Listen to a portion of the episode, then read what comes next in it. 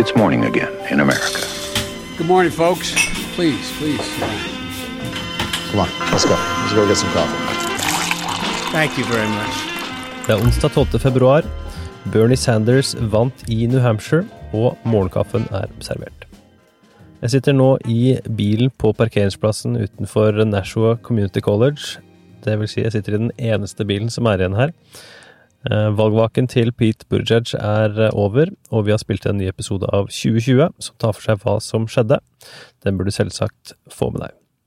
Nå er det altså ti dager igjen til caucus-valget i Nevada, 17 dager igjen til primærvalget i South Carolina. Men altså, det som skjedde i New Hampshire, kort oppsummert. Bernie Sanders gikk seirende ut. På vei inn i den andre valgdagen i nominasjonskalenderen så var det mange ubesvarte spørsmål. Sanders holdt en stødig ledelse på målingene, men Burjaj spiste seg innpå i snittet, mens Warren og Biden gikk eh, tilbake. Så var det da snakk om Amy Klobuchar, som hadde en god TV-debatt, og som krøp stadig oppover på meningsmålingene. Tidlig eh, onsdag morgen, norsk tid, så så resultatene fra New Hampshire eh, slik ut. Bernie Sanders på 25,8, Pete Buttigieg på 24,2, Klobuchar 19,9, Warren 9,3 og Biden på 8,7. Delegatfordelingen fra New Hampshire ser til å bli 9 til Sanders, 9 til Buttigieg og 6 til Klobuchar. Altså ingen til Warren og ingen til Biden, utrolig nok. Buttigieg leder da så langt i den totale delegatfordelingen med 23 over Sanders 21. Hvis du lurer på hva som skjedde mer spesifikt i, eh, i New Hampshire, og hva det betyr, som sagt, sjekk 2020, der vi snakker mer om dette.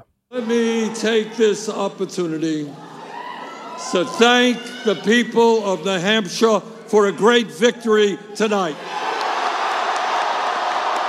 And thanks to you, a campaign that some said shouldn't be here at all has shown that we are here to stay. Hello, America. I'm Amy Klobuchar, and I will beat Donald Trump.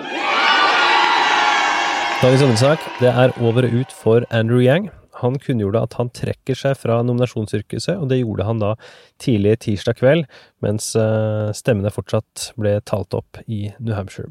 Han endte på rundt 2,8 og kom da på en skuffende åttendeplass, men har levert en imponerende valgkamp fra å gå fra altså ingen visste hvem han var, nesten, til nå å være et eh, navn de fleste kjenner til. Det er imponerende. Vi kommer til å ha en artikkel på amerikanskpolitikk.no om Yang-kampanjen. I tillegg så er det exit for Michael Bennett. Eh, Det er kanskje ikke så veldig uventa, men han holdt det i hvert fall gående, og hadde jo da håpa til det siste at han skulle klare å ha noe å vise til i New Hampshire. Det hadde han absolutt ikke, skulle vise seg. En tredje kandidat som ser ut til å være på vei ut, det er Deval Patrick, tidligere Massachusetts-guvernør. Han øh, har ikke gjort det offisielt enda, men det ryktes at det snart kommer til å skje. Og det skulle nesten bare mangle, etter å ha gjort det såpass eh, svakt, med under 0,5 i, eh, i New Hampshire. Så er det vel ikke særlig grunn til å holde det gående stort lenger, skulle man tro. Dersom du er interessert i mer stoff om eh, hva som har skjedd i denne valgkampen fram til nå, ta turen til patron.com ampol. Da kan du høre daglige valgkampreportasjer fra valgkamparrangementer eh, med de ulike kandidatene fra her i USA. Ferskeste episoden er jo da valgdagen, der jeg følger eh, kandidater og snakker med velgere, og du får litt inntrykk av hvordan det var å være her på nært hold. Dagens utgave av Målkaffen er uansett servert av Sigrid Rege Gårdsvold og undertegnede Are Tovoflaten. Du abonnerer ved å gå til ampol.no kaffen.